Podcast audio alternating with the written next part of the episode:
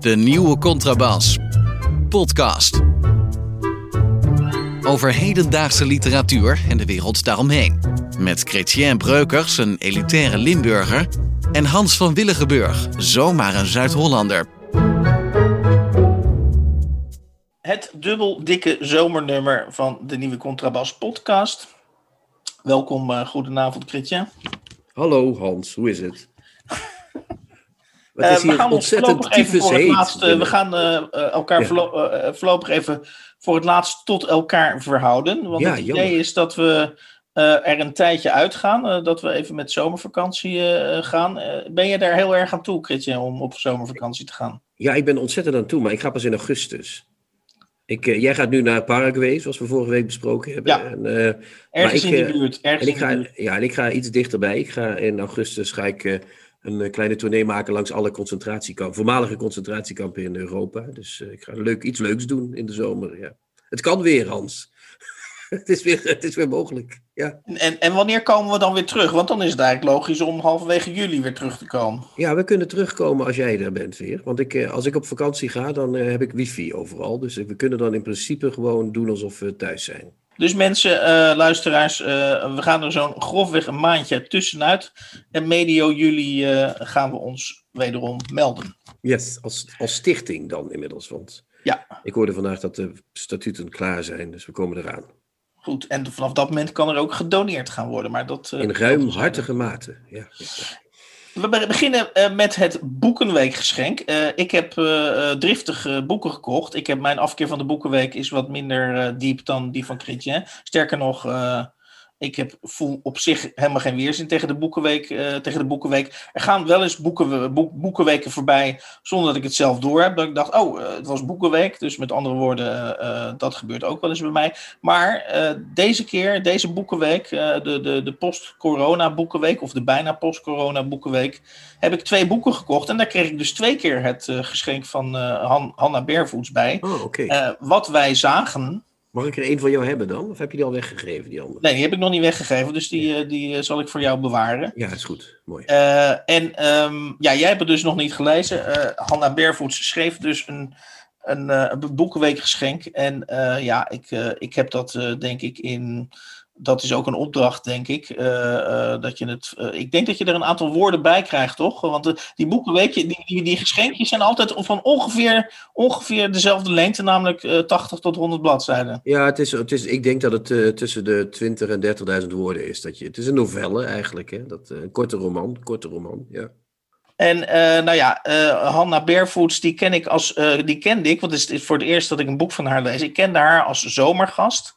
Ze is ja. volgens mij twee of drie jaar geleden bij Zomergasten geweest. En toen viel mij op dat Hanna Barefoots iemand is. Uh, uh, uh, ik zat namelijk eigenlijk de hele avond te kijken naar Hanna Barefoots. En ik dacht, wanneer gaat ze nu eigenlijk iets zeggen? Wanneer gaat ze, durft ze gewoon iets te beweren? Maar Hanna Barefoots beweert nooit iets, want ze wil alles recht doen. Ze wil, wat mij heel erg opviel, is zodra ze dreigde iets te beweren, beweerde ze ook snel het tegenovergestelde. Zodat er eigenlijk niks meer, niks meer beweerd werd. En uh, dat, dat zie ik ook een beetje terug in dat boekenweekgeschenk. Uh, uh, um, het, het, al die zinnen die daarin voorkomen, die, ja, je, leest, je leest ze um, alsof ze gelijk in een soort putje verdwijnen. En er blijft wel een soort verhaaltje over. Ik zal kort het verhaaltje even uitleggen. Kaylee, de hoofdpersoon van Wat Wij Zagen, het boekenweekgeschenk dus, uh, werkt bij een groot uh, platform. Dat kan Facebook zijn, dat kan een ander groot uh, social media platform zijn. En zij werkt op de afdeling um, waar de, de, zeg maar de, de, de minder nette plaatjes of de minder nette content beoordeeld moet worden of dat op het sociale netwerk mag komen of niet. Nou, dat wil zeggen dat er dus enorm veel uh, geweld, uh, racisme en allerlei andere ellende over die, over die werknemers wordt uitgestort. Zij zegt achter in het boek dat zij onder andere geïnspireerd is door de film Cleaners, volgens mij heet die, heet die film. Ja, dat is zo. Dat gaat daarover ook. Ja, ja, ja. Die ken ik. Ja, die film heb ik toevallig gezien, inderdaad, oh, met ja, een vriendin. En die vriendin zei na afloop, oh, ik wist niet dat dat zo toeging bij de, bij de social media. En toen keek ik haar, geloof ik, iets wat blasé aan. Zo van, ja, ga er maar vanuit dat, uh, dat jij niet, uh, dat jij een hele opgeschoonde versie van een sociale sociaal platform gepresenteerd krijgt.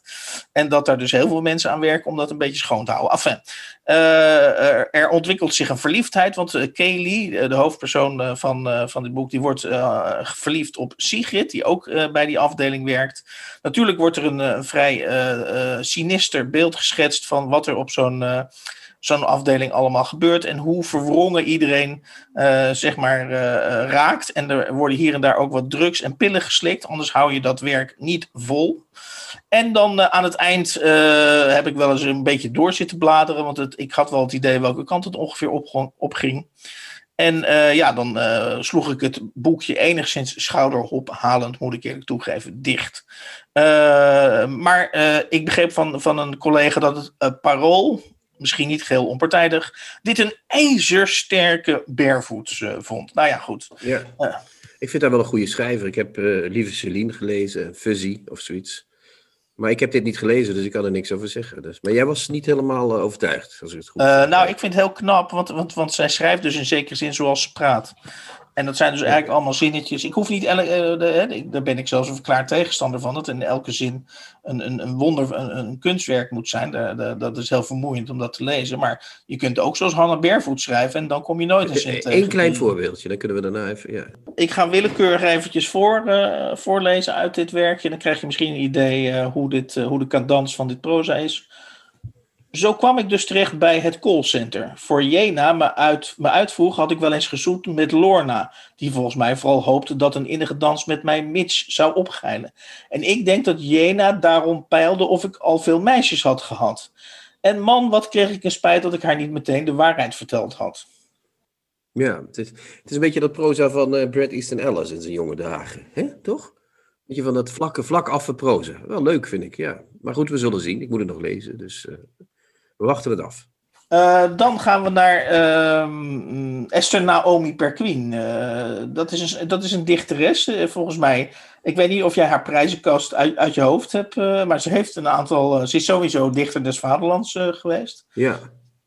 en ze heeft volgens mij een aantal grote prijzen gewonnen met haar, met haar poëzie. -huh. Maar wat gaan we met haar doen? Wat gaan we met haar doen? Nog niet heel, ik klink nog niet heel erg welwillend. Jawel, ik, ja, ja, ja, maar we zeggen het eens even. Ja.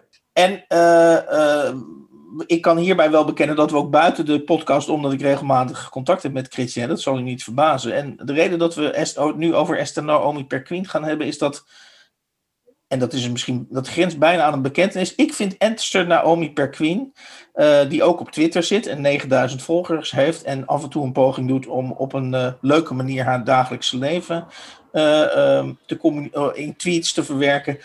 Ik moet daar af en toe om lachen, maar Chrétien vindt Esther Naomi Perquin, en ik zeg daarmee toch niks geks, Chrétien, jij vindt het vreselijk.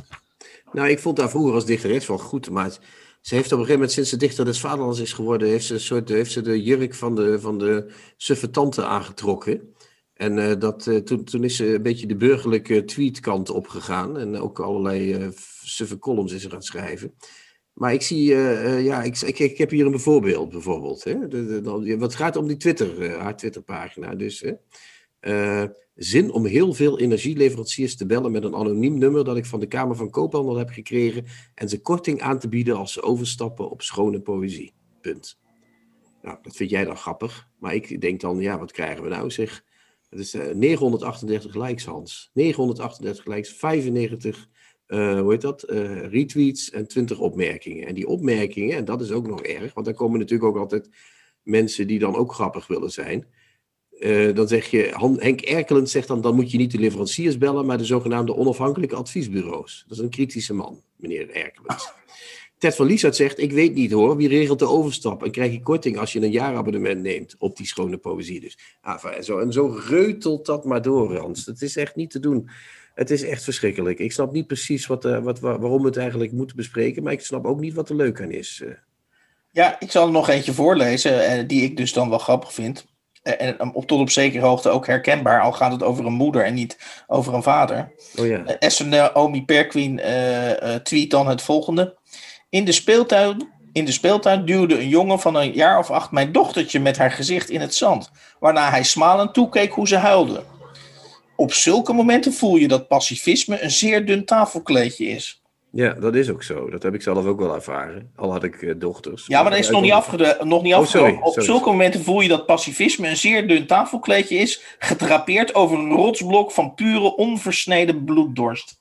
Ja, ja, ja, maar het is toch een, een ja, ja, het is inderdaad waar. Dat is zo. Want dat voel je dan. Want je, het liefst wat je dan doet, herinner ik me nog uit de, de tijd dat mijn, mijn dochters jong waren, is dat je dus iemand die hun kwaad doet, die draai je het liefst ter plekke de nek om. Hè? Dat is het e-, de eerste. De, maar goed, zeg dat dan. Ik wil hem zijn nek omdraaien. Maar nee, dat moet allemaal in de, in de winselen van het fatsoen en in de. In de ja, maar als je, da, als je dat tweet, dan krijg je geen 1217 likes en uh, 29 nee, nee, precies. Dus dat, dat is het dus. Mensen doen het vaak voor de likes. En ik heb vaker uh, uh, gezien hoe dat gaat. En uh, wat, wat, het is heel bizar. Ik snap Twitter denk ik niet. Want er zijn ook mensen bijvoorbeeld die doodgaan. En die tweeten dan over dat proces van doodgaan. Weet je wel, ik heb een keer een man gevolgd een tijd lang.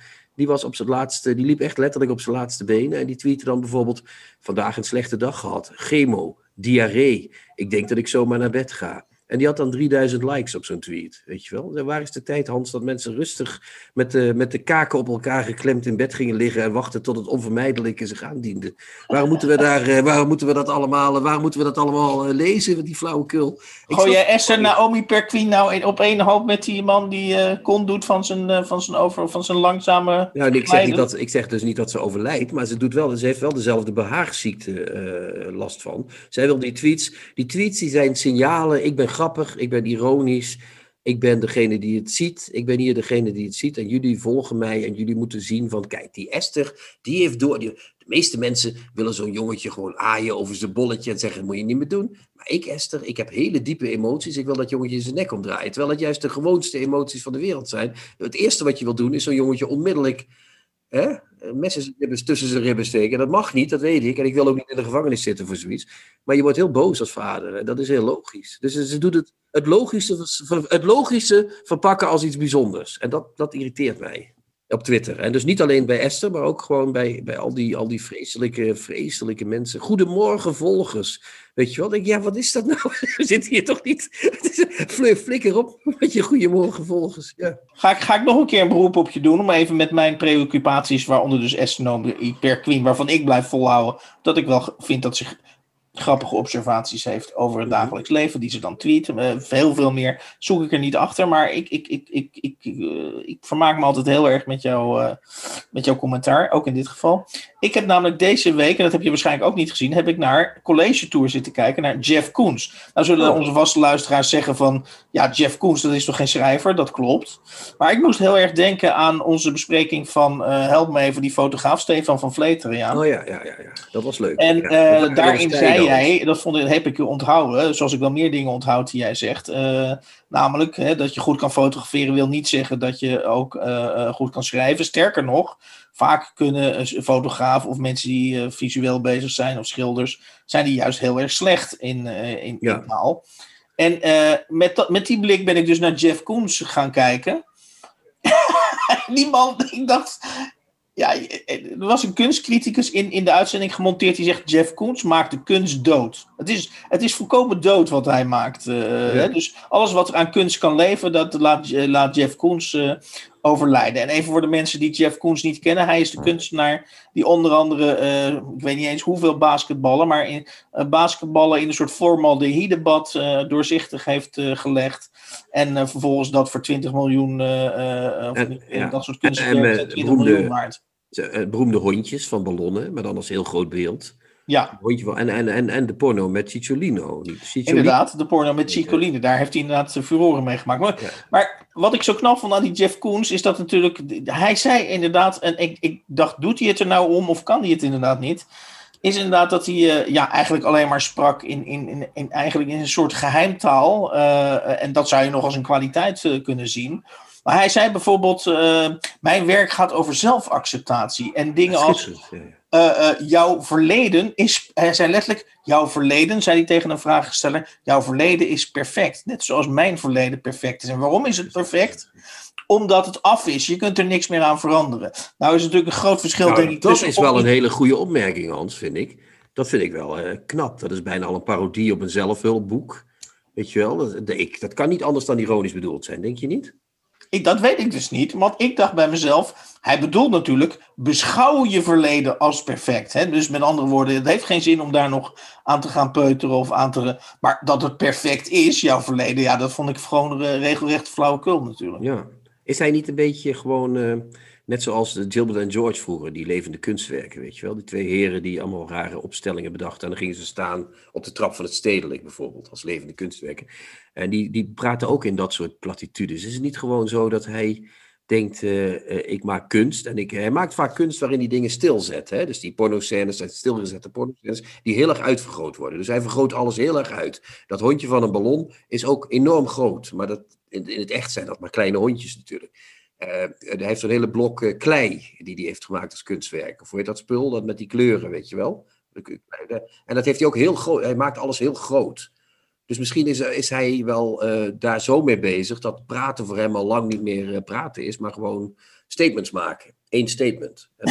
En dat, dat, dat, dat, staat daar dan zo. Ja, ik zou je uitnodigen om het nogmaals te gaan bekijken. Ja, en dan, zeker, dan, dan, en dan heb je gelijk. Dan heb je het idee van. Eigenlijk had hij een heel aantal zinnen in dit interview. Had hij al van tevoren uh, voorbereid. En de vraag was alleen nog wanneer, wanneer hij ze erin ja. Kon, uh, kon gooien. Maar ik vond het wel een hele creatieve en intrigerende manier om met taal uh, om te gaan. Hij, je kunt je dus serieus afvragen of hij echt antwoord gaf op de vragen van, van de studenten. Of dat hij dacht.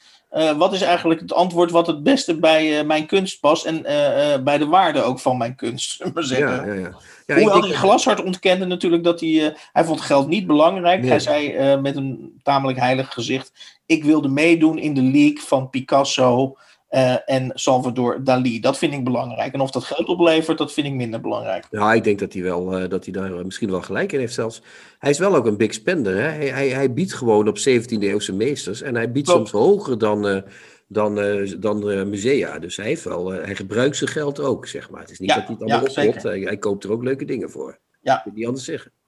Dan hebben we nog een, eh, een, een, eh, tot slot, want dan gaan we snel weer door. Eh, jij had, we hebben het natuurlijk eerder gehad over de slush pile. Al die onopge- op, op, opgestuurde manuscripten bij uitgevers die dan zeg maar down the drain wegens niet waardevol of totaal niet interessant worden afgevoerd. Maar jij hebt voor de komende zomer een, een shame pile. Ja, een soort shame pile. Ja, ja, ja, ja, ja, ja. Ik heb boeken die ik eh, heb, gekregen en die ik had willen bespreken. Dus de pile of shame, zal ik maar zeggen. Die, die, eh, die ik had willen bespreken, maar die, er- wat is er nog niet van gekomen. Dus eh, ik denk dat ik daar misschien in de zomer, als jij weg bent, over ga bloggen of zo. Dat ik dan over die boeken ga bloggen. Anatoly Marienkov, De Geschoren Mens. Prachtige novelle. Uitgegeven door Pegasus en vertaald door het altijd olijke duo. Eh, hoe heet zo? Nee, nee, niet de duo, sorry. Alleen door Robert-Jan Henkes, die vaak met Erik Lindervoet samenwerkt. Maar goed, Robert-Jan Henkes. Marian Engel, Beer. wat is uitgegeven door Koppernik. Prachtige roman ook. eh, eh, het is vertaald door een of ander Barbara de Lange. Christian Oster, vertaald door iemand die hier te gast is geweest. Drie mannen en een stoel. Prachtige roman. vertaald door Kiki Kouwmans. We hebben haar hier in de uitzending gehad. En eh, dan ook nog eh, het boek, eh, ook weer door iemand vertaald die hier in de uitzending was, van, door Marijke Reis. Selva Almada, Dode Meisjes. Dat is echt een heel indringend boek over geweld in de stad. Modern ge- geweld in de heden, he- hedendaagse Zuid-Amerikaanse stad. Dries Mus ook nog, De Afwijking. Eh, Best een leuke roman over, eh, over eh, ja. Maar voor de goede orde, dat zijn boeken die je gekregen hebt en die je nog niet hebt, in, nog niet hebt gelezen. Ja, die heb ik wel gelezen, maar die konden we nog niet, die zijn we nog niet aan toegekomen in de podcast. Dus die wil ik Oh, nog... Die wil ik nog bespreken, dus ik denk dat ik daar stukjes over ga schrijven. Als, je- als jij vrolijk in Zuid-Amerika ronddartelt, dan ga ik daar mee aan de slag. Oké, oké. Wat heb, je, heb jij nog dingen waarvan je zegt, ik ga nu Ja. op vakantie en ik neem mee? Neem je, Ja, klopt. Heb jij een e-reader, Hans? Eh, Vraag me Nee, ik heb geen e-reader, nee. ik heb er sinds kort een, het is echt fantastisch. Ik kan het je erg aanraden. Maar goed, Ja? ja, het is, ik ben er heel blij. Ik heb er eentje gekregen van Rob van Essen trouwens. En, eh, maar die, eh, vond, ik vind hem echt, van, ik, zit elke, ik moet een paar keer per week met de trein. Dat is echt geweldig. Is het echt, maar goed. Oké, dus jij, wij geven de boekenbranche met deze, met deze advertentie een laatste kontje naar, naar de afgrond. Nee, want ik, ik koop ook heel veel gewone boeken. Dus ik ben nog steeds een ouderwets iemand. Maar goed, vertel eens wat je meeneemt. Ik ben heel benieuwd. Ja, nou, ik, een, een van de boeken die ik mee ga nemen, eh, omdat ik die, die naam al heel vaak gehoord heb en ik heb nog nooit iets van haar gelezen. Het is dus wederom een vrouw, dus ik ben, eh, ik ben in ontwikkeling, zullen we maar zeggen. Ik lees Mhm. steeds meer vrouwen. Eh, dat is Hilary Mantel, hoor ik heel veel, heel veel Oh, ja. positiefs over. Ken je Mantel? Nee, ik heb nooit iets van haar gelezen, maar dat zijn historische romans. Of ben ik nou abuis? Uh, ja, ja, maar ik heb nu een verhalenbundel van haar uh, gekocht. Uh, en dat heet De Moord op Margaret Thatcher. Dus die ga ik lezen. Dat is altijd goed. Ja. Uh, en dan ga ik ook lezen uh, Het spel meespelen, of daar ben ik al aan, in aan het lezen, van Joan Didion. Dat is wel ah. een hele bekende naam. Uh, en de Engelse, de Engelse naam van die roman is natuurlijk ook al heel erg mooi. Play it as it lays. Ja, erg mooi. Schitterend. Ja. Weet je dat dat de roman is waar Bret Easton Ellis door geïnspireerd is? Nee, dat wist ik niet. Dus nee. die is daar, daar helemaal door, daardoor is hij gaan schrijven. Daardoor wilde, hij wilde ook zo schrijven, zoals, zoals in die roman. En dat, als je het leest, zul je zien, het heeft iets van zijn stijl weg ook. Het is een beetje die, die, die afstandelijke, vlakaffe stijl die hij ook heeft. En die ook uh, wel een beetje in sommige... Uh, ja. ja nou ja, en verder heb ik de ambitie om Klont te gaan lezen van, hoe heet die dame ook alweer? ja, Maxime Februari. Dat is, dat is een man trouwens geworden. Dus dat was vroeger een vrouw en nu is dat een man. En dat is Klont, is een roman of zo? Ja, dat is een roman over, over de, de dataficering of de data over de, de datamaatschappij. Uh, nou. Maar dit is al een, dat is al een tijdje uit, maar dat lag dus al heel lang te wachten. En dat is dus mijn shamepile, dat ik denk, oh ja, dat had ik ooit een keer gekocht, maar daar heb ik dus nog nooit een blik in, uh, in geworpen. En ik heb sowieso nog nooit een boek gelezen van uh, Maxime Februari, dus misschien tijd om, de, om dat wel te doen. Ik ben benieuwd of je nog terugkomt, of je nog terug wil. De Black Box. Hoe schrijvers schrijven. Welkom Kluun uh, in de nieuwe Contrabas podcast. Um, wij willen in deze rubriek weten hoe de schrijver schrijft. En we hebben in deze rubriek al mogen begroeten Lise Spit en Delphine Leconte onder andere. Um, mm uh, Kluun, wij kennen jou als een schrijver die vol in het leven staat. Uh, meer dan vol zou je misschien zelf kunnen zeggen. Uh, je zou bijna zeggen, doe jij het schrijven er tussendoor? Hoe gaat dat bij jou? Nou, dat niet. Maar ik, uh, ik denk dat ik een, uh, zoals je de, de AFT van de Heide over kwartaaldrinkers ooit heeft geschreven. Ik denk dat ik een kwartaalschrijver ben. Um, dus het zijn inderdaad hele periodes dat ik, um, dat ik niet schrijf. Maar als er eenmaal geschreven wordt en ik zit erin, dan zie ik, um, ik heb zo'n zo'n boekje hier waar ik in mijn waar ik echt alles noteer. Een soort logboek, als een soort duiker. Alle halve uren. Uh, dat komt van uh, diep werk van Carl Newport, een, een of andere Amerikaanse professor die zich afvroeg waarom hij zo weinig productief was en al zijn collega's, hoogleraren, uh, die essays en de proef, weet ik, allemaal schreven en boeken en colleges gaven. En dus hij heeft een, hij zijn theorie is eigenlijk bijna alle creatieve werken als boekhouders. Dat heeft hij ook gekeken naar hoe Sigmund Freud dat deed, hoe comedians dat doen. En dat ben ik gaan volgen. En sindsdien uh, werk ik dus echt. Uh, er zijn dagen dat ik niet schrijf, maar als ik schrijf, dan doe ik dat altijd in het boekje. En op het moment dat een boek, dat ik er nog niet in zit, nou dan maak ik pomodoro'tjes, zoals dat heet, 25 minuten periodes. Dan maak ik er maar een paar per dag. Maar op een gegeven moment voel ik dat ik erin zit. En dan, dan, dan, dan, dan word ik langzaam verliefd op werk. En dan werk ik zes, zes uur per dag als echt schrijven is. En als corrigeren is acht uur of zo per dag. En als het echt in latere fases is, want het boek gaat bij mij wel een keer of zes, zeven, acht op en neer dan is het uh, ja, tot, uh, tot diep in de nacht, wijze spreken. Oké, dus, en noem nog even die naam. Want wat... Diep werk van de professor Carl Newport. En hij komt, uh, is, geloof ik hoogleraar op Harvard of Yale of zo. Dat mag ik mm -hmm. kwijt zijn. En waar is die expert op? Hij is het gebied op, expert op het gebied van? geconcentreerd werken voor creatieve mensen. Dus eigenlijk is zijn betoog kijk, uh, Freud sloot zich geloof ik op in een of andere berghut ergens op een berg in Oostenrijk of Zwitserland of Zuid-Duitsland. Hij zei, maar iedereen, of je nou student bent of reclamecreatief of advocaat, je kunt nog steeds jezelf twee uur opsluiten. En het is een fabeltje, zegt hij, dat multitasken, dat het werkt. Want er zijn allerlei tests voor je. Op het moment dat je er even uit bent, dan je hersens, die, die, die ik geloof dan verlies je 40% uh, effectiviteit of zo. Dus op het moment dat jij gewoon twee uur achter elkaar werkt, heel diep, en niemand mag je storen, geen social media, geen app, bla bla bla, dan werk je veel beter dan uh, met allemaal tussendingen. Dus zo, zo schrijf ik ook. Uh, maar eigenlijk antwoord dus concreet op jouw vraag. Het is niet zo dat ik een schrijver erbij doe, maar ik schrijf wel, dan schrijf ik ook echt. En andere momenten dan, ja, dan doe ik andere dingen. Want ik doe wel veel andere dingen, dat klopt. Ja, ja maar, maar ik, moet me dus voorstellen dat als jij gaat schrijven, serieus gaat schrijven, diep gaat schrijven, dat je eerst even alle apparaten, alle, alle, alle uh, of-knoppen even aanberoert uh, en dan, dan gaat Kluun in de werkmodus, zullen we zeggen. Ja, ik heb een, uh, ik heb een paar van die appjes die heet Focus Keeper en de andere die heet, ik weet even de naam niet, maar als je dan per ongeluk toch op YouTube wilt, of op nu.nl, of ik wil iets opzoeken, dan zegt hij, you are free of, en zo, want ik heb al die apps van tevoren ingesteld. Dus je kunt dan ook echt 25 minuten, of zolang je het instelt, daar niet op. En mijn telefoon inderdaad, die leg ik uh, daar ginds op uh, buiten uh, grijpafstand neer. Oké, dus, het, dus, dus dat levert wel een mooi beeld op, namelijk dat het is ook even werk om je vrij te maken. Het is ook even werk om alle techniek even stil te zetten. Zeker, ja, en dat heb ik ook echt nodig. Ik werkte vroeger met muziek en ik had het al als student dat ik met muziek werkte en dan zaten mijn ouders tv te kijken en dat, dat alle geluid. En nou, dat, ik dacht altijd dat ik dat kon, maar dat heb ik een jaar of zes, zeven, acht geleden, toen ik dat boek las, heb ik dat opgegeven. En, uh, dus ik kan wel, ja, kijk, kijk vrolijk op de Amstel, maar er is geen muziek meer. En ik laat me niet storen door app en uh, dingen. En uh, ja, dat, dat werkt bij mij. Oké, okay, hartstikke mooi. Uh, ik heb een tweede vraag. en dat is: heb jij, omdat jij natuurlijk al reclame, ja, dat, vinden, dat vinden mensen, of, of in de marketing werken, laat ik het wat algemener omschrijven. Ja. heb jij, zeg maar, dingen uit die marketingdiscipline meegenomen naar het schrijverschap? En zo ja, wat? Ja, zeker. Um, nou, dit niet, want dit doen alle schrijvers. Dus het is nu ook uh, voor de kijkers. Het is kwart over zeven, dus het mag. Kijk maar, bewijs. Voor de kijkers, um, uh, Kluun houdt nu even een wijnglas omhoog. Ja, ja inderdaad. Proost allemaal. Ik mag van mezelf vanaf half zes mag ik af en toe een wijntje nemen. Daarvoor niet, want anders krijg je tussen dan, dan, dan, dan word je net als Connie. En dat willen we ook weer niet. uh, nou, misschien ga ik wel net zo goed schrijven als Connie, dat geldt ja. ook. nee, ik heb, wat ik, er wel, ik heb er een aantal dingen uit overgenomen. Uh, ik denk dat ik meer een verhalenverteller ben dan een uh, uh, schrijver. En toevallig kan ik ehm, geen films maken of ik kan ook niet zingen. dus is schrijven is mijn ding geworden. Dat is, mm -hmm. en, en, maar ik denk wel dat ik, zoals in de reclame, ik vertel een verhaal. En bij mij, dat is ook zo leuk. ik weet nog dat ik in, bij Night Writers, 15 jaar geleden, met Tommy Wieriga en Christophe Fekeman sprak. En eigenlijk wat in de literatuur normaal is dat ehm, inhoud is ondergeschikt aan vorm. Hè? Literatuur is vorm. En dat vond ik zo grappig, want mijn mond viel toen echt open. Dat had ik nooit bedacht.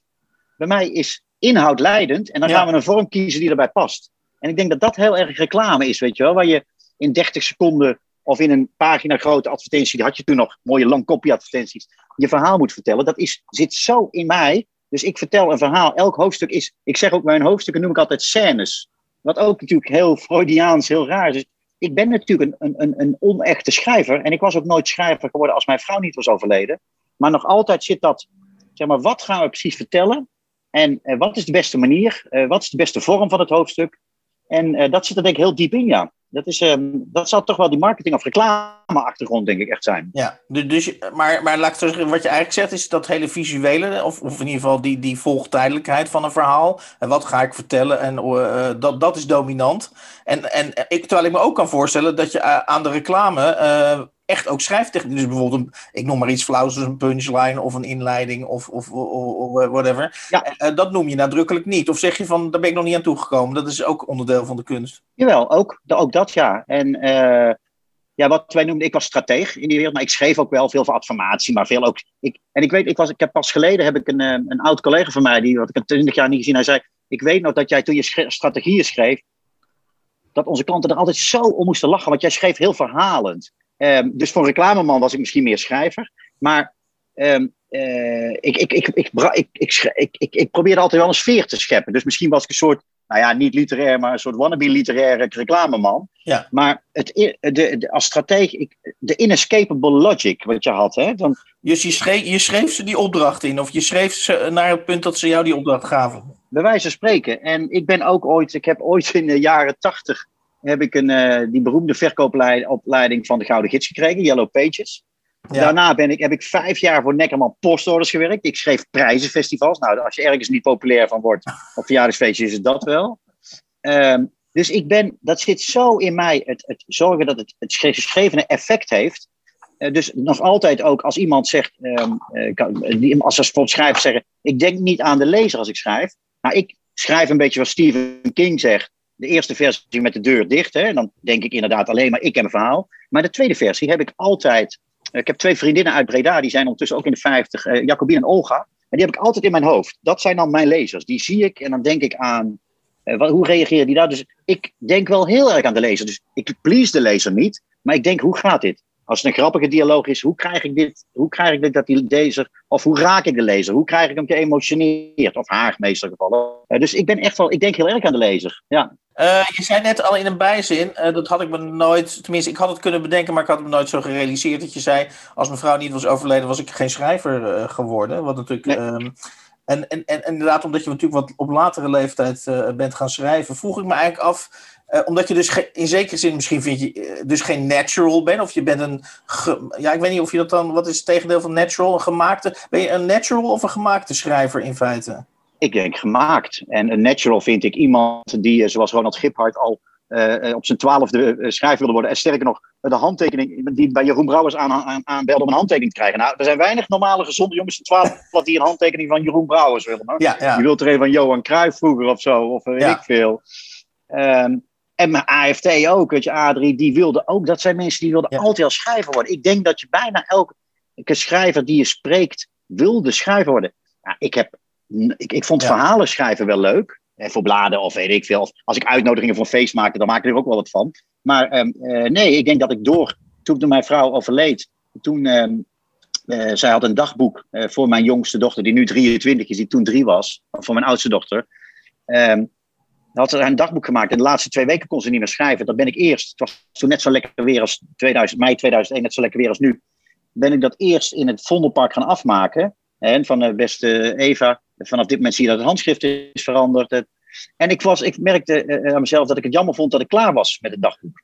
Want ik om de laatste weken te beschrijven. Ja. Maar het was een, opmaat, het was een opmaat naar de vraag van of jij, omdat je dan misschien, en dat beaam jij dus deels, niet een, niet een natural bent, vroeg ik me dus af. Blijf jij, of, of, of, blijf jij sowieso altijd schrijven? Of, of zie jij een moment komen dat je zegt, ja, dat heb ik nu, dan heb ik het gewoon gezien. Of zeg je, het is inmiddels wel natural voor mij geworden, dus ik blijf dat doen. Ja, ik noem me wel gewoon schrijver, want uh, kijk, uh, ik, ik schrijf, dat is mijn vak en daar verdien ik mijn ja. geld mee. Ja. En dat is mijn passie. Dus ja, ik ben schrijver, maar Um, ik, dus, maar ik inderdaad, wat jij zegt, uh, wat ik leuk vind, is tussen elke roman schrijf ik een, een, een ander boek. En dat is vaak, um, weet je wel, dat is een, een, een non-fictie, maar meestal een soort entertainende non-fictie. Help, ik heb mijn vrouw zwanger gemaakt aan de Amsterdamse nachten. Het eeuwige gezeik met Ronald Giphart. Uh, ik ben nu bezig met Help, ik heb een puber. Um, dat vind ik leuk. Dat is een soort speelkwartier voor mij. Ik vind het leuk om research te plegen en dat te gebruiken voor zo'n boek. Uh, dat is ook een genre, dat ligt me goed. Dus ik ik heb, ook, ik heb wel een stuk of drie ideeën, dat hangt daar. Dat ga ik jullie niet laten zien, maar daar hangen mijn projecten die ik de komende twee, drie jaar wil doen. En er zitten wel twee of drie romans tussen. Maar het zou ook zomaar kunnen, uh, als ik, uh, ja, na elk boek beslis ik zo langzaam de maand daarna, wat ga ik nu doen voor het project. Het is ook niet uit te sluiten dat ik misschien geen of minder romans ga schrijven. Ik weet het niet. Dus ik ben niet een oeuvrebouwer uh, zoals de, ja, de meeste namen die tot nu toe voorbij kwamen. Als jij een boek schrijft, of, of überhaupt aan het schrijven, wat vind jij, wat het klinkt misschien een beetje, ja, een beetje, maar wat vind jij er het leukst aan? Want voor heel veel mensen is natuurlijk schrijven ook lijden. Ik heb niet de indruk dat jij er heel erg onder lijdt, maar um, dat is misschien foutief. Misschien uh, zeg je van eigenlijk is nee, wel, hoor. eigenlijk is 90% nee, dus lijden en is, maar 10, en is maar 10% leuk. Uh, dus dan hoor ik graag van jou wat 90% is en wat 10%. Nou, ik ben iemand, ik schrijf Um, uh, als ik van de, veel collega's hoor, die schrijven een eerste versie en die is dan al voor 90% goed.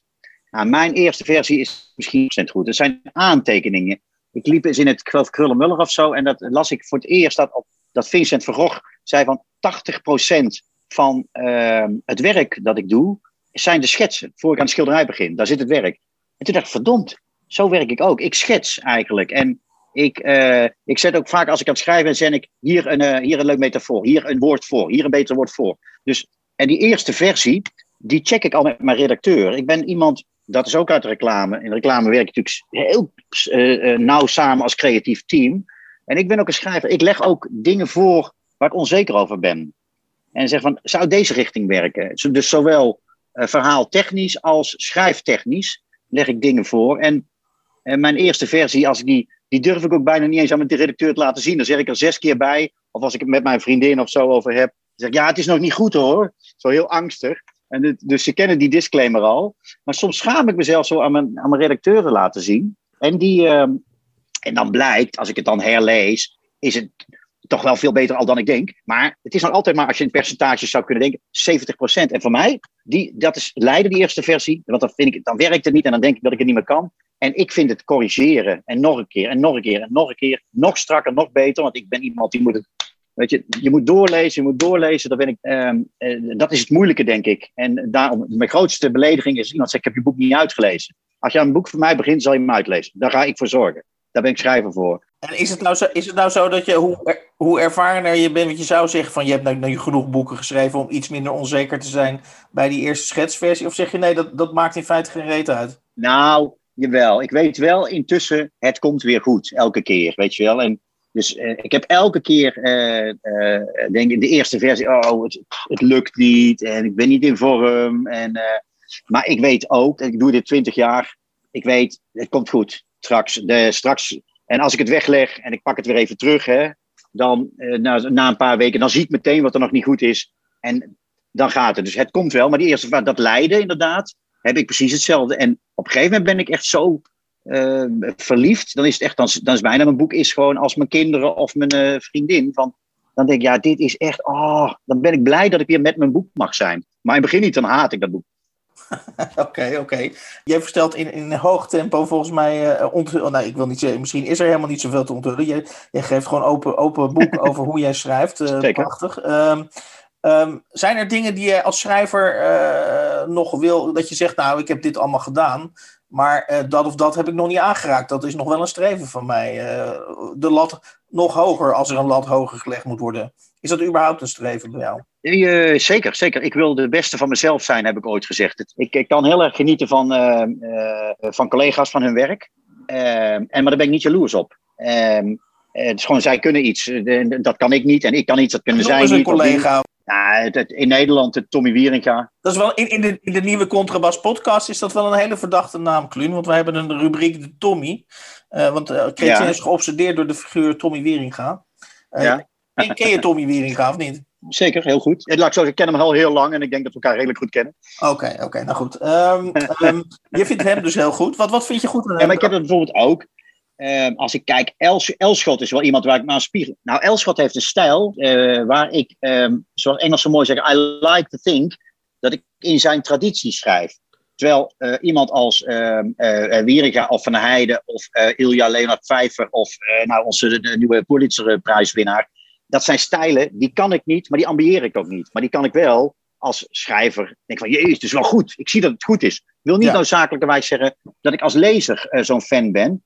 Maar um, ja, in het buitenland, ja, Amaniti, um, dat is echt wel mijn, de, degene, de, de schrijver, de hedendaagse schrijver waar ik het, um, dan denk ja, dit is wel, dat vind ik altijd als ik zijn boeken lees, dat hij zowel gerespecteerd is door uh, critici, maar ook een grote publiekschrijver. En dat vind ik, uh, dat is ook mijn ambitie. Ik zwaai even naar mijn vriendin, die komt aanlopen over de brug. Tot slot, en dan mag Chrétien uh, losbarsten. Dan, dan, uh, dan is de kluun van jou, uh, Chrétien. heb jij nog voor de luisteraars, waar misschien ook wel bijna literair debu du debutanten in zitten, je weet maar nooit, wie er allemaal naar de nieuwe Contrabas podcast luisteren, heb jij nog één grote valkuil mede te delen voor mensen die schrijfambities hebben? En we weten dankzij corona dat ja. de literaire agenten omkomen in de, in de, in de, in de manuscripten. Dus als jij nou een goede valkuil, als jij nou een goede valkuil aangeeft, dan wordt de gaat, gaat, de kwaliteit hopelijk iets omhoog. Nou, ik heb er, ik heb er twee zelfs. Uh, ene is een beetje, uh, is echt een soort ambachtelijke valkuil. Uh, als je iets geschreven hebt, ga niet elke dag opnieuw naar dat stuk kijken. Schrijf door. Schrijf door, want anders blijf je hangen in iets. Dus schrijf door, boem, boem, ook al is het niet goed, doorschrijven, nieuwe dingen. En later, in de meeste gevallen, zie je wat er niet deugde en dan, dan los je het meestal op. Dus dat is één. En het tweede is, um, ik geef uh, ook workshops en ik begeleid af en toe eens uh, wat mensen die ik, uh, die ik leuk vind of die ik talentvol vind of wat dan ook. En mijn ding is altijd, um, in de Schreen komt Zeitviel en Meister, ga niet, zoals je een kok hebt ook, als je gewoon een beetje een goede pasta carbonara kan maken, moet je doen. Maar ga nou niet in liflafjes doen. Ga niet torentjes bouwen als jij chef-kok bent in een restaurant, terwijl je gewoon, het enige wat je kunt is een goede, simpele maaltijd zetten. En bij schrijven ook, heel veel schrijvers schrijven boven hun kunnen. En dat is niet erg, eh, als je inderdaad, uh, dan gaan we weer van de heide, wat bent en zo. Maar als je dat niet bent, en dat zijn de meesten niet, en zeker de meeste dan, doe dat niet. Schrijf gewoon, uh, je moet niet, doe niet aan mooi schrijverij. En dat is eigenlijk iets wat ik, wat ik de meeste beginnende schrijvers op het, op het hart druk. En er is nog één zelfs, krijg er drie. ehm, als ze zeggen, ja, want ik, vind, eh, ik hoor van de mensen om me heen dat ik best goed kan schrijven. Dat zeggen mijn, eh, mijn, mijn, buren en mijn kinderen en mijn die en die. Dan zeg ik, dat is hartstikke goed, maar die moet je nooit geloven. Je moet echt altijd even vragen, als je net een roman hebt geschreven en iedereen zegt, nou, dat was echt goed hoor, die roman. Moet je altijd vragen, eh, hoe vond je het einde? En dan zul je merken dat de meeste niet tot het einde zijn gekomen. Want iedereen is beleefd. Dus geloof nooit complimenten van mensen om je heen. Ja, dat, was een hele, dat was een hele goede tip van, eh, van, eh, van een schrijver die eh, heet Marcel Maas. Die heeft een tijd terug een boek geschreven. Die had een goede tip. Je moet altijd zeggen op zo'n vraag. Vooral dat met die moeder vond ik heel goed. Want er zit altijd iets met een moeder in, in een boek. Ja, Dat ja, is, eh, dat is dan het antwoord. Ja. Dat is ook een tip voor de lezer. ja, ja. Als ja. ze vragen hoe vond je het einde, dan moet je zeggen ja, maar vooral dat met die moeder, dat vond ik echt heel goed. Eh, Wat mij weer een bruggetje geeft naar, naar je- de moeder geeft mij een, een bruggetje naar eh, familieopstelling. Dat is je meest recente roman. Eh, die is in Ja. 2019 of 20, dat weet ik niet uit mijn hoofd. Nou ja, in ieder geval- 2020 is afgelopen september. ja, precies. Die heb ik speciaal voor de aflevering gelezen. En het mag niet over de inhoud gaan. Maar ik, Nou, daar je doet alsof mij- de straf is, Chrétien. Nee, nee, nee, het was helemaal geen straf. Nee, ik moet zeggen dat ik met. Ik ben- eh, als ik heel eerlijk beken. Oké, ik zal heel eerlijk zijn. Ik, ik begon met voor- vooroordeel eraan. Ah, de- de- Maar ja, dat was een vooroordeel. En eh, Ja. toen ik begon te lezen, dacht ik: verdomd, dat eh, valt me toch eh, niet eh, alleen mee, maar dat is heel erg goed, is dat eh, wat ik hier lees. Ehm, en aansluitend op wat jij zei, doe niet wat je niet kunt.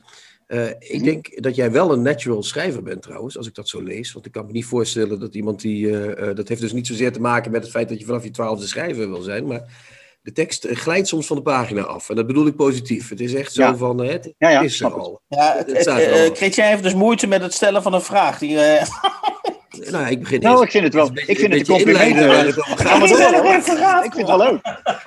Ja, ik, ik, ik, vind neem het woord nogal. Leuk, ik, vind, ik hou ervan. Ga door. Ga door, ga Ga door. door. Ga Komt door. er. Maar er komt nog eentje, er komt nog een niet-compliment. Ga door. En dat is, ik denk dat je een Ja. soort, eh, ik, ik vond dit boek, Ah. Familieopstelling, echt van een, eh, de, de beste stukken daarvan vond ik, en dat bedoel ik ook als een compliment, van een geniale oppervlakkigheid. En dan bedoel ik oppervlakkigheid Mhm. niet als iets negatiefs, maar zoiets als wat Elschot doet, hè, eroverheen ja. Maar je probeert de hoofdpersoon ook een soort probleem aan te praten in dat boek. Die man heeft een soort eh, moeite met relaties.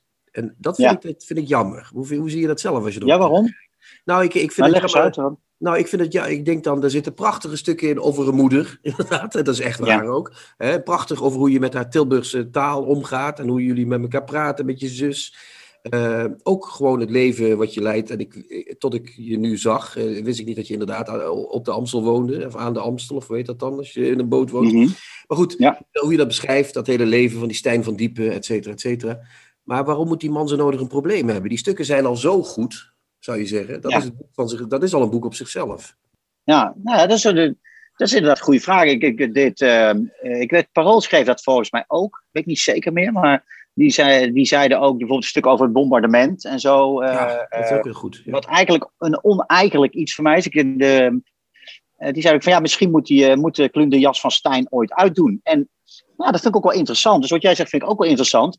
Ja, of Stijn moet geen probleem hebben, dat kan ook. Stijn heeft Ja, dus maar dat zijn de probleem. ergste. Dat, eh, dat zijn de ergste om over te lezen. Mensen zonder problemen, dat, eh, daar worden we niet. eh er moet Ja, een probleem zijn. Dat is het principe van een verhaal. Je moet een probleem hebben. Ja, maar ik vond het probleem van Stijn nogal redelijk. ja, dat ik dacht, ja, ach, ja, mannen van in de 50, Ja. zoals ik zelf ook ben, die hebben problemen met relaties. Hè? Dat is nou eenmaal. eh, Ja, ja, dat, is ja, onze, dat, is onze, dat is onze core business, eh, zal ik maar zeggen. Iets anders hebben we niet meer eh, dan, dan, dan problemen. Maar ik vond, ja, nou ja, goed, die mag het zelf weten natuurlijk, maar daar gaat het niet om. Maar ik, ik las die stukken eromheen. Dankjewel. Ik heb zelfs, ja, flauw, dat bedoel ik ook niet zo, maar, eh, eh, maar ik, ik, ik heb echt regelmatig gedacht, jezus, als je alleen die stukken doet, dan is het echt, dan is het, dan is het, de nieuwe, dan is het geen Elschot, want die probeert ook altijd maar problemen Ja. erin te fietsen. Maar is dat niet, is dat niet heel erg wat je is dat niet heel erg, want jij staat in die traditie, is dat niet heel erg Amerikaans om te denken dat een hoofdpersoon eh, eh, niet interessant is als die geen probleem heeft? Want ik, ik, ik vind die, eh, volgens mij is, is de driving force van Hollywood, de, de, de, de, de, de hoofdpersoon heeft Ja. een probleem of maakt een ontwikkeling door en aan het eind Ja. is er dan een soort catharsis. Zie daar een verhaal. Ja, inderdaad. Ja, maar Nou, ja, is- ja, weet je wat, wat, wat ik wel interessant vind eraan? Ehm, kijk, het is, een, het is een bewuste keuze geweest. De bewuste keuze is om ehm, het, het, contrast tussen eh, het nu, nu leven van Stijn in Amsterdam en zijn moeder die aan het vervagen is, om, dat, eh, om daar het, continu de, eh, tussen te switchen. En dat, ja, dat, dat, is een, dat is een keuze. En ehm, eh, ik heb wel ik de afgelopen tijd wel vaker in dat van lezers gehoord. Ja, oh, in het begin dacht ik, oh ja, daar gaan we weer. Hè. Seks, drugs en rock'n'roll. En Maar daarna, het begint en dan, met seks, maar hè, met de meloenen. ja, daarom. Zeg Maar dat is ook, maar, een- ja, dus het is een, eh, laat ik zo zeggen, het is een hele bewuste keuze geweest die ik heb gemaakt, eh, ook samen met mijn redacteur, om echt eerst te denken, oh jezus, daar gaan we weer. En vervolgens, eh, dus dit, ehm, en ik denk, ik denk zelf dat het verhaal technisch goed werkt, maar ik snap ook dat mensen zeggen, ja, voor mij hoeft dat niet. Maar dat is hetzelfde met seksscènes, hoor je ook af en toe van mensen lezen, nou, dat had voor mij niet gehoeven. Nee, dat klopt, maar we zitten niet Kijk, je kunt ook in een restaurant zitten waar je tegen de kok zegt: Ja, dat dingetje erbij had niet gehoeven. Je kunt ook in het Holland Festival en zeggen: Nou, dat stukje had niet gehoeven. Je bent Ja. helaas wel overgeleverd, Chrétien, moet ik zeggen, aan de nukken van de schrijver. En, Dat is ehm, waar. En daarvan mag je als lezer of als recensent ook van vinden wat je wilt. Maar, eh, Precies. dus ik, ik, ik, ik snap hem. Je bent niet de eerste die het zegt. Maar het is wel een bewuste keuze waar ik nog steeds wel blij Ja. mee ben. Want anders wordt het toch een ander boek. En, ehm nou, fijn, ja, dit zijn, dit zijn keuzes van de, van, de, van de schrijver. Het is niet eh, zo dat ik jou eh, eh, probeer eh, om te turnen of zo. Maar ik denk dat er wel. eh, ehm, nou, ik ben heel benieuwd naar de kluun die eh, het, het, het los gaat laten, zeg maar. Maar misschien Ja. denkt hij wel eh, dikke lul. Eh, we gaan het niet doen. Nee, helemaal niet. En ik vind het ook, weet je, ik vind het ook altijd leuk als mensen hun eh, ge- gefundeerde mening, en dan blijft het de mening eh, zeggen. En eh, ik vind het ook interessant. Kijk, bij sommige eh, recensies of eh, kritieken denk ik, joh, verlul van een dronken aardbei. Maar sommige dingen denk ik, ja, nou, daar zit ook wel wat in. En nogmaals, ik weet niet of je toevallig die recensie van Parool hebt gelezen. Ik weet niet of wie die hem had geschreven.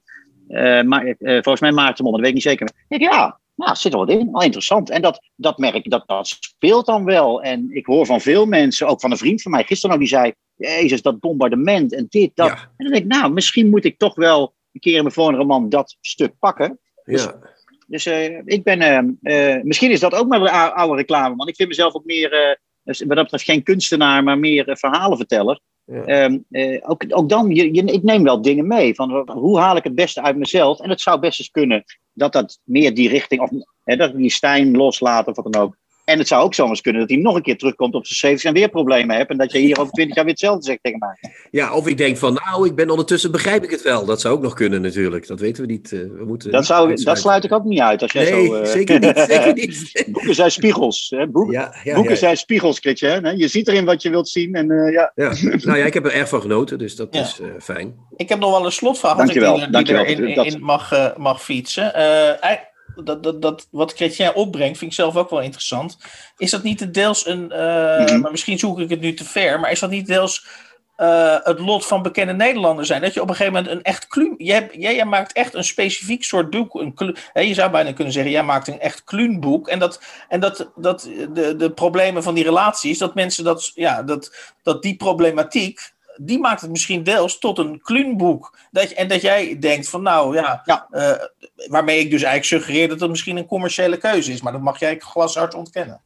Nee, de- nee, dat is echt geen commercieel. Kijk, het grappige is, de, de, de reclame en de marketeer in mij, die schakel ik volledig uit als ik aan het schrijven ben. Misschien niet ambachtelijk, hè, wat ik zei, van, eh, dat ik rekening hou met mijn lezer, maar ik doe niet aan please of denk niet commercieel. Die, dat komt allemaal daarna. Dus nee, het zijn echt gewoon, het zijn creatieve keuzes. Dus dat, Mhm. dat is niet, er zit niets commercieels aan. Ik denk echt dat het, dit is het boek wat ik wilde schrijven. En, ehm, dus nee, dat zit er niet in. Oké, Maar het klopt dus, wel. dus het is niet nee, zo ja, dat als je zegt, ik, ik, ik, ik gooi die hoofdpersoon er niet in, of ik kan het ook zonder probleem, waarvan jij overigens zegt, oké, als er Ja. geen probleem in zit, is, is het boek niet interessant. Eh, dat je dus dat probleem erin stopt eh, om, eh, of, het, of laat ik je zei, Nee, ik neig misschien wel naar de keuze om dat er inderdaad uit te luiden, maar dan, dan loop je dus het gevaar dat het geen kluunboek meer wordt. eh, of, Ja, dat is, best een, nou, dat is, een, goede, dat is een goede vraag. En ik heb me wel eens afgevraagd. eh, kijk, ik, in de loop der de, eh, boeken werden de recensies beter bij mij. Niet altijd, maar DJ kreeg hele goede recensies. Familieopstelling kreeg goede recensies. En er zitten ook altijd slechte bij. Maar, en eh, het vaak, kijk, het is een beetje zoek. Het is een beetje hetzelfde in de muziek. Hè?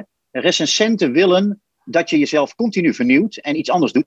En het publiek wil dat je precies hetzelfde doet. Nou, en als maker ja, is, moet je gewoon, eh, denk ik, op een integere manier daarmee omgaan en zelf daarover beslissen. Dus ik denk, het gaat een beetje, denk ik, zo, ja, hoe mijn eh, pet gaat staan in de toekomst, wat, welke kant ik op wil.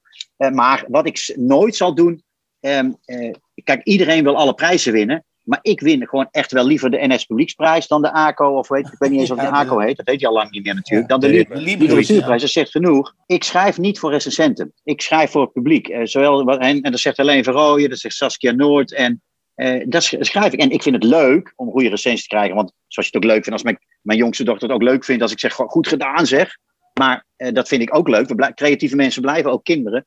Maar ik, uh, ja, ik heb wel te veel zelfvertrouwen en heb iets te veel boeken verkocht. En mensen genieten te veel van mijn boeken door belangrijk te vinden wat um, een recensent vindt. Maar het wil niet zeggen dat ik het niet in me opneem of zo. Dus, uh, zo, dus ik, ik, ik weet het niet. Het kan alle kanten op gaan ik behoud mezelf het recht voor om alle kanten op te gaan. En um, misschien, Chrétien, ben je de volgende keer hartstikke tevreden. Of misschien zit je weer hoofdschuttend bij mijn volgende boek. Ik kan het je, ik kan het je, ik, ik weet het niet. Ligt eraan wat je van dat moment neer, gaat doen. Neergezet als de archetypische azijnzeiker, wat ik ook wel ben natuurlijk. Nee, dat, dat, dat je het even door hebt. Maar, ja, ja, maar, maar, maar, zo azijnzeiker. Ik was nou net helemaal niet azijnzeiker. Nee, je gaf ook een compliment. Ja, precies. Maar ik ben wel... Maar ik vind het ook interessant. Dus, ik, wat heb je eraan als ik jouw boek ga lezen met alleen maar de... de de, de, de, de, de liefdesblik in de ogen. En uh, ik kan me beter laten verrassen. Nee, nee, nee, ik dol, je, ik dol je hier. Dus ik vind het ook uh, echt ik vind het interessant ook. Maar wat ik mij wil zeggen is, um, ik, ik weet niet welke kant het op gaat. En, um, maar ik ontwikkel, ik vind het wel leuk. Ik heb deze ooit laten zetten, Stay Hungry, toen ik 50 werd. Ik vind het leuk om ook niet alleen moreel, maar ook creatief hongerig te blijven. Ik wil mezelf blijven verbeteren. En daar vind ik, het ook, vind ik dit soort opmerkingen ook interessant. En wat sommige recensenten zeggen, uh, ik, nou, daar zit wel wat in. Dat is een genuanceerd oordeel. Ja. En, uh, en dan is het aan mij in de toekomst te kijken, van, wat ga ik daarmee doen? Ga ik daar, wil ik dat integreren in mijn creatief werk? Of lap ik het aan mijn laars? En, uh, en dat, die vrijheid vind ik ook heerlijk. Ik vind het een hele mooie, mooie slotsteek. Mooie afsluiter wel. Dus uitkijken naar de kluun die zichzelf de ruimte gunt om nog alle kanten op ja. te gaan. Praten over, de, over, over hoe je tot het creatief werk komt, is Um, is voor een bepaalde groep mensen denk ik heel erg leuk. Voor heel veel mensen ook dodelijk saai. Maar ik hoop ook dat, jullie dat, dat je veel schrijvers hiervoor krijgt. Ja. Het is leuk volgens mij om te horen. Als je geïnteresseerd bent in het proces. Ik vond het ook leuk. Ja, ik vond het ook leuk. Dankjewel, Kluun. Moet je horen. Hans leest een favoriete passage voor uit een boek dat hij onlangs gelezen heeft. De Kamer. Is hij dood? Wie? Uw vader. Nee, die zit beneden in de kamer. Dus hij is niet dood. Nog niet, nee. Oh, en uw moeder? Mijn moeder? Ja, is uw moeder al dood? Die zit ook beneden in de kamer. Dus ze zijn niet dood? Nee. Oh?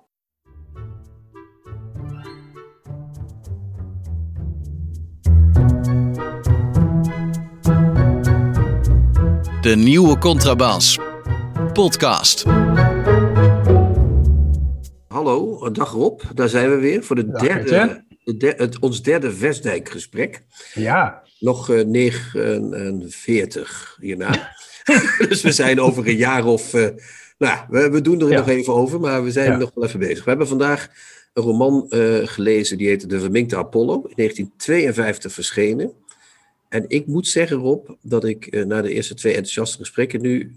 Ik ben niet in mineur, maar het kostte me wel meer moeite om dit boek te lezen. Heb jij dat ook? Uh, ja, zeker. Ik, uh, ik heb Vestdijk's Griekse romans altijd vermeden tot nu toe. Ja. En het is alsof ik nu met terugwerkende kracht ook een beetje weet waarom. Um, ik, heb, ik ben sowieso niet zo'n groot liefhebber van historische romans, moet ik zeggen. Maar ik heb wel heel goede herinneringen aan de nadagen van Pilatus ja. uh, van Vestdijk. Uh, maar dit was toch een stukje taaier en de beloning duurde, het duurde wat langer voordat de beloning kwam. Ik weet dat ja. jij de vorige keer zei dat bij Vestdijk moet je even door de eerste twintig bladzijden worstelen en dan komt er ook wat. Uh, nu moest je echt door de eerste 150 bladzijden doorworstelen en pas in de tweede helft van het boek begon het verhaal een beetje op gang te komen. Ja. Begonnen de avonturen. Eigenlijk. Ja, ja, ja, daar begint het echt inderdaad te lopen. Dat is heel gek, want ik heb, dat ooit, ik heb dit boek ooit uh, gelezen samen in een, in een Vestdijk leesclub. Uh, samen met, met mijn toenmalige hoogleraar Bronswaar. En die, ik herinner mij dit als een heel goed boek. Daarom heb ik het ook aangeraden. Ik dacht, laten we het gaan doen. Ja. Maar ik, kon een, ik, ik weet niet waarom ik mij dat zo herinnerde eigenlijk. Want ik herinnerde mij ook dat er bijvoorbeeld uh, dat de beloning heel lang duurde, 100 bladzijden of zo. Maar de echte beloning, het hoofdstuk Het Schip Argo, duurt maar 20 of 30 bladzijden. Dat is echt het mooiste. Maar goed, laten we eerst eens even zeggen waar het boek over gaat, als we dat überhaupt kunnen navertellen. Ja. Um, ik, ik, ik heb het idee dat het boek gaat over. Um, uh, nou, het speelt zich ongeveer 600 voor Christus af, hè, zo tussen 6 en ja. 700 voor Christus. Twee jonge uh, krijgers, die, uh, moeten, die, die, die, die heten, oh god, dan moet ik het boek erbij halen. Dat, Diomes en, en Aletes. Ja, en die Diomes, dat is een beetje de hoofdpersoon, als je het zo mag zeggen. Ja. Die gelooft in Apollo. Als je dat, dat, die hangt de Apo Apollonische eredienst aan. Ja, je moet er even bij vertellen, denk ik, dat het speelt zich af in Delphi. Daar in ze. En dat, daar zit ook dat beroemde uh, orakel natuurlijk. Ja, ja. En er zijn allemaal stadstaatjes omheen die in een, op voet van oorlog met elkaar verkeren. Ja. Dus het is een heel dynamisch geheel. En dat, die, dat geloof heeft ook weer met al die oorlogjes te maken. Ja. Dat is het ene geloof tegen het andere. Er heeft niks veranderd sinds die tijd, blijkbaar. Maar goed, uh, die, die, die uh, Diomes, die, uh, die is de, die volgen we in dat hele boek. Uh, want die, moet, die is in een soort bad standing terechtgekomen. Tijdens een of andere oorlog. Als ik het zo mag zeggen. En die, die moet dan uh, als straf weer terug naar het leger. En dan, dan moet hij zich vier jaar minstens goed houden. En dan uh, wordt hij misschien vergeven. En dat is eigenlijk wat we de hele tijd volgen. Ja, nou ja, het verhaal is eigenlijk dat er wordt een Apollo-beeld gestolen uit de tempel. Ja, dat is die verminkte... En, ja. De verminkte Apollo. En dan moet uh, Diomos met zijn vriend, die moet dat Apollo-beeld gaan zoeken. En dan denk je op een gegeven moment uh, van, hé, hey, hier begint een soort uh, klas, klassiek detective verhaal, maar dat, dat is dus niet het geval. Nee. Um, eerst zoeken ze een beetje in de omgeving, en, maar pas in het tweede deel van het boek gaan ze echt op pad. En dan gaan ze naar Korinthe uiteindelijk om dat beeld op te sporen. En ze vinden dat beeld daar, maar belanden meteen ook in een gevangenis. En dan, uh, dan komen ze terecht in het schip Argos. Het is geen schip, maar een soort onderaardse gevangenis. En dat is echt een briljante passage. Het is echt het allermooiste hoofdstuk van het boek. En misschien ook wel een van de mooiste dingen van de Vesdek die ik ooit uh, gelezen heb. Ja, maar daarvoor moet je dus al 200 pagina's door heleboel ja. lokale politiek en godsdienstpolitiek heen worstelen. En ja. dat eist wel wat van de lezer, moet ik zeggen. Ja. En wat, wat ik me afvraag is, waarom heeft Vesdijk dit geschreven? Ik snapte het niet helemaal. Ik heb er toch een beetje omheen gezocht. En ik, in het boek van Kees het Hart en Maarten het Hart wordt het boek alleen maar terloops genoemd. Die, die, die zeilen er ook een beetje omheen. Die, die, die, die branden de vingers ook niet aan. Nee, nee, nee. Ik, kom, ik kom er niet achter. Jij wel? Nee, want ik uh, in het uh, Gebergte, dat die serie die Hugo Brandt Korstjes en Maarten het Hart ooit voor de NRC maakt, over alle romans van Vesdijk. Uh, Maarten het Hart behandelt deze romans en die kwam er eigenlijk ook niet doorheen. En die weet ook nog te vermelden dat Vestdijk nooit in Griekenland is geweest. En bovendien ook niet, uh, geen gymnasiumjongen was. Dus dit moet hem echt op een of andere manier hebben aangesproken. Hij heeft zich ook uitstekend gedocumenteerd. Ik bedoel, de research die vliegt uit de pagina's naar boven. Ja, ja, ja, ja. Maar inderdaad, waarom? Uh, het zal hem gefascineerd hebben. kijk, je hebt natuurlijk, het boek richt zich ook op de strijd tussen Dionysos en Apollo. En dat is natuurlijk een tegenstelling die, uh, die door Nietzsche ook heel populair is gemaakt uh, eind 19e eeuw. En Nietzsche was natuurlijk ook wel, volgens mij wel een, een kleine held van Vestdijk. En ook wel een kleine held nee, van, kleine, van Forum. Ja. Dat zeker, ja. ja. Forum en zo. Dus misschien heeft die tegenstelling hem aangesproken. En heeft, is hij naar de bron van die tegenstelling af, afgereisd. Met uh, deze draak van een roman tot een, uh, tot een vervolg. Ja. Ik, ik moet Je noemt het een draak. Dus, ja, het is hard. Ja, het, het is hard. hard maar... Eén, ster, één bal. Ja, het is niet nou, nee, nee, nee. Toch ballen. niet. Want Nee? um, ik, heb, uh, ik heb hem helemaal gelezen. En toen heb ik het eerste deel nog eens herlezen. En met de kennis die je dan hebt... Uh, zie je ook wel dat het heel goed is opgebouwd met vooruitwijzingen en zo. Alleen die zijn ontzettend ondergesneeuwd in die hoeveelheid informatie die Vestdijk ja. over ons uitstort. Dus dat, dat werkt pas bij tweede lezing. Dus dat, dat maakt het uh, boek bij eerste lezing natuurlijk niet minder taai. En ik moet ook zeggen dat ik het einde goed vind. Die hele terugtocht van hem, dat is ook Ja, zo'n hallucinante terugreis. Ja, maar ook heel ontroerend weer. Hè? Zoals hij ook bij, bij, eh, bij de kelder en de levende. Soms grijpt hij terug op een soort eenvoud die ontroering oproept. Eh, dat Ja. is heel vreemd. Ja, en dat doet hij heel vaak aan het einde van zijn romans. Vestdijk is eigenlijk heel goed in eindes. Ja, En ook in hallucinante eindes. Uh, ik heb bij Meester Visser Hellevaart is dat natuurlijk uh, ook 40 pagina's uh, ja. van visioenen en dromen. En dat doet hij hier ook heel goed. En bedoel, dat, dat vind ik toch wel een prestatie. Het is alleen zo dat hij. ik las bij, ik geloof ook bij Maarten het Hart dat hij dit boek in twee maanden geschreven had. Dus het, die dichtheid van informatie in zijn hoofd heeft hij ook vlekloos op de pagina's weten te krijgen. Maar er blijft natuurlijk heel weinig lucht over voor de lezer. ja. Dat is het Ik, ik, heb, ik, heb een, ik heb bedacht, maar dat is, eh, dat is waarschijnlijk, ik weet niet of het waar is, maar ik heb gedacht, Vestdijk leed aan depressies. Hè?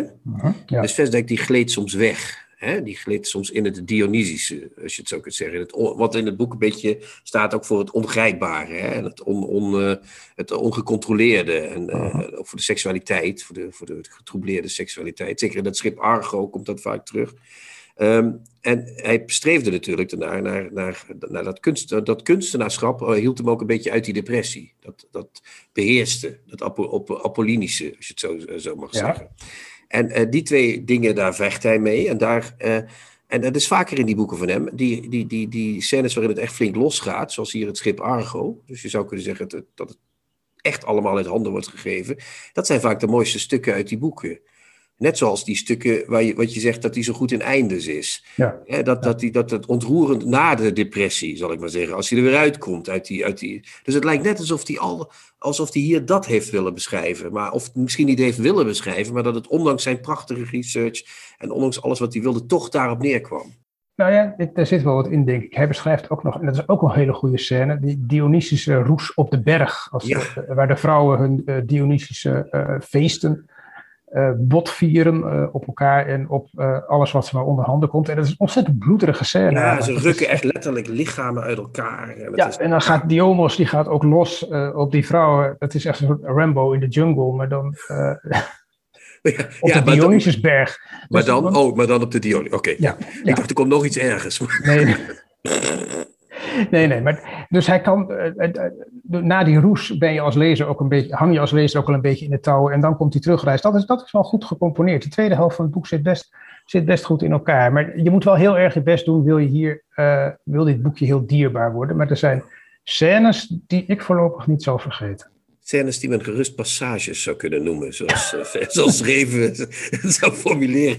Maar goed, wat, wat, wat zou er gebeurd zijn als we dit nou als eerste boek van Vesdek ooit gelezen hadden? Ja, dat, dat heb ik ook bedacht. Dit, als je iemand van Vestek af wil krijgen die nooit van Vestek heeft gehoord, dan geef je hem dit boek. Ja, Dat is duidelijk. Je moet, eh, dit is hè, voor, voor de geoefende Vestek het. voor de ervaren Vestek lezer. Dit is, ja, dit is echt, kijk, je hebt schrijvers, als er eenmaal je lievelingsschrijvers zijn, dan pik je veel van hen. Dan lees je ook de romans die eigenlijk uh, en niet zo uh, nooit tot de kanon van die schrijver behoren. En dan, er zit altijd wel iets in. Want het, is altijd interessant omdat het door die schrijver is geschreven. Dus je vergeeft hem ook veel en je leest ook door. Als dit van een onbekende schrijver was geweest, ja. dan weet ik niet of ik het schip Argos gehaald had. Nee, dan had ik gedacht, wat een wartaal, ben ik bang.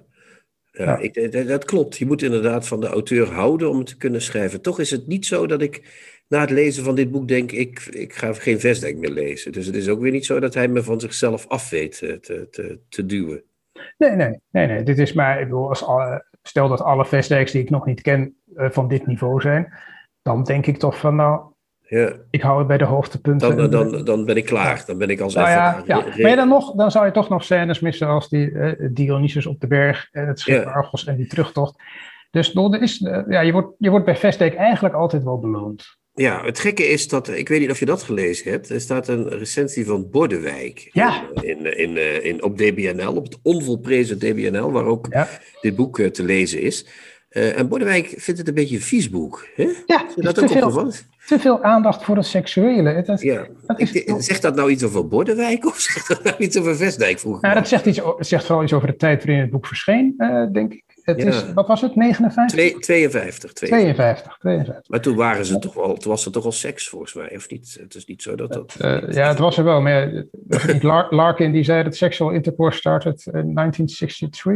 Dus Oké, we dus- nog elf jaar later nog. Elf jaar later. Maar het viel mij ook tegen van Bordewijk. Ik dacht, het is toch een beetje een bekrompen recensent. En Ja, die man heeft een eh, boek over een hoerenkast geschreven, eh, het Rode Paleis. Dat gaat over, Ja. over een uh, Daar zal, daar zal dan waarschijnlijk heel weinig seks in zitten. Maar hij vond ja. dit een beetje. Ja, dat, ik denk van, ja, en bovendien, het valt reuze mee. Maar dat is met, eh, met de ogen van nu natuurlijk. eh, kijk je daarnaar.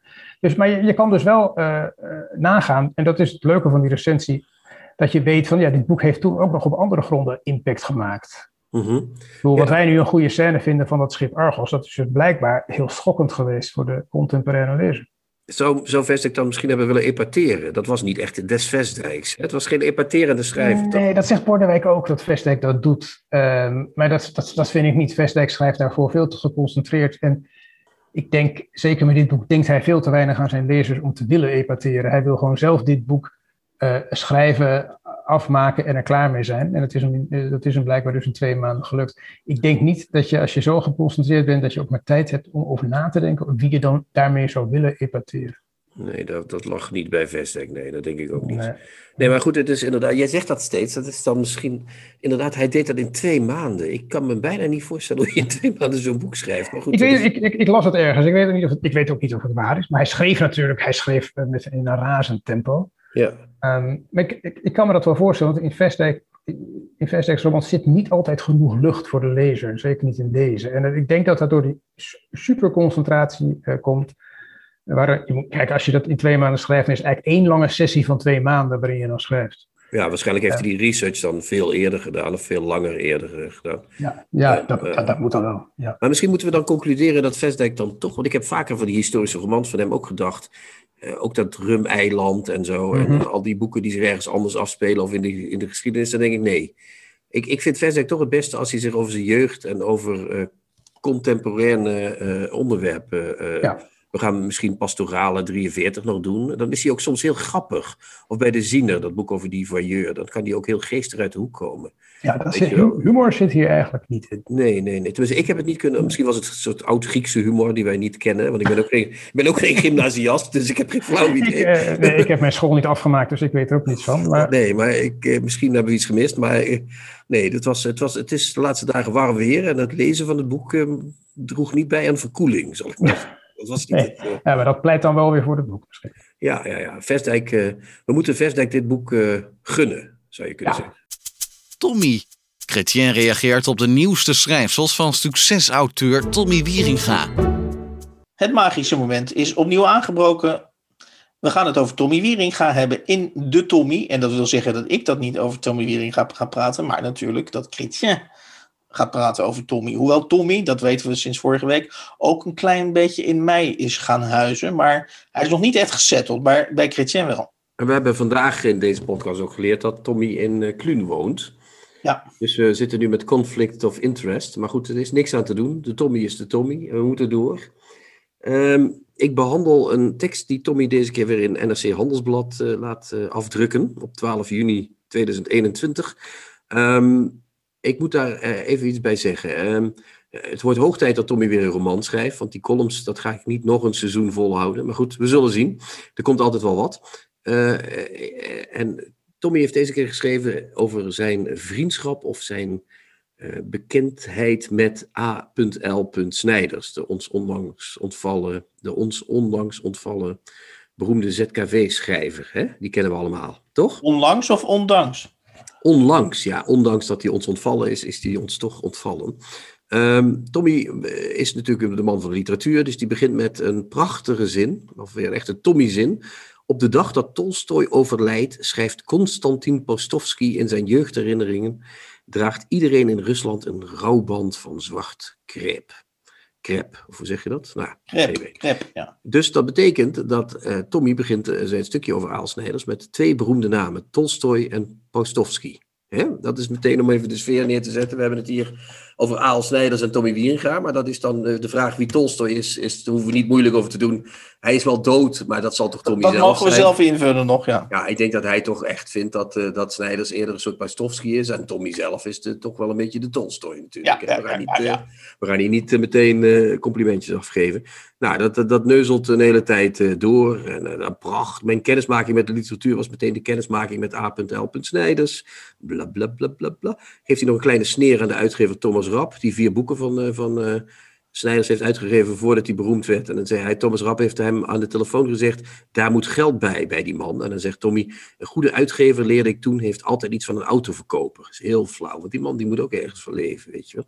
Dus ja, dat is echt heel flauw. Maar goed, het, het, het, het, het gaat mij in deze Tommy eigenlijk over de manier waarop Tommy zich verhoudt tot beroemde doden. Ik weet niet of jij dat nog weet, maar vroeger had je in Nederland een beroemde minister van Buitenlandse Zaken, die dat wel een jaar of twintig geweest is, ik weet niet hoe lang, uh, Jozef Luns. Luns, Jozef Luns. Ja, en die zei altijd als, uh, als uh, werd gevraagd, wilt u uw autobiografie schrijven? Dan zei hij, jazeker.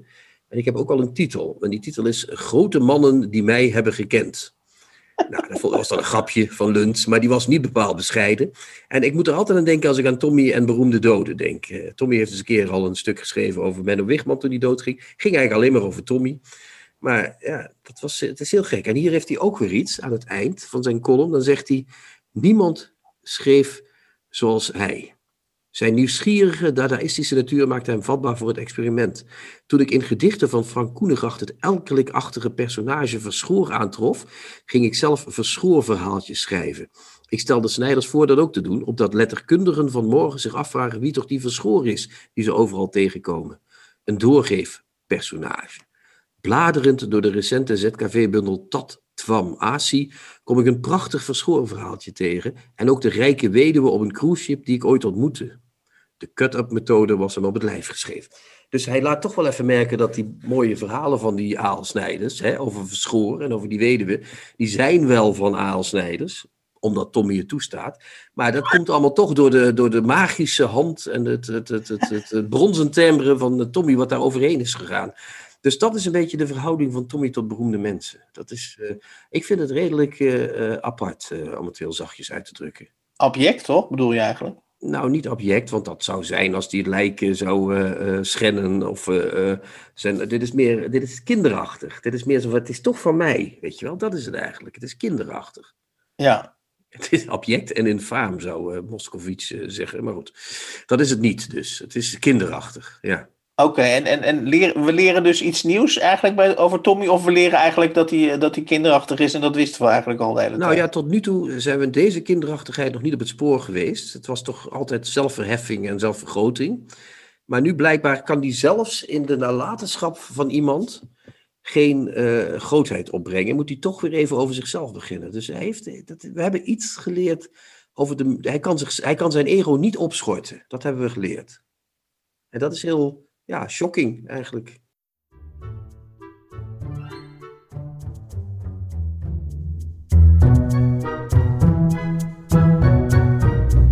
De nieuwe Contrabas. Podcast.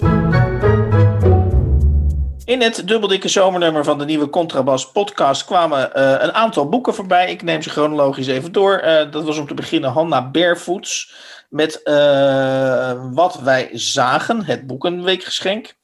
Verder las ik in Moet je horen uh, voor uit de bundel Nee van Armando. verschenen bij Augustus in 2008. En Chrétien had een indringend gesprek met Rob van Essen over de roman De Verminkte Apollo van Simon Westdijk. En die is te downloaden via dbnl.org.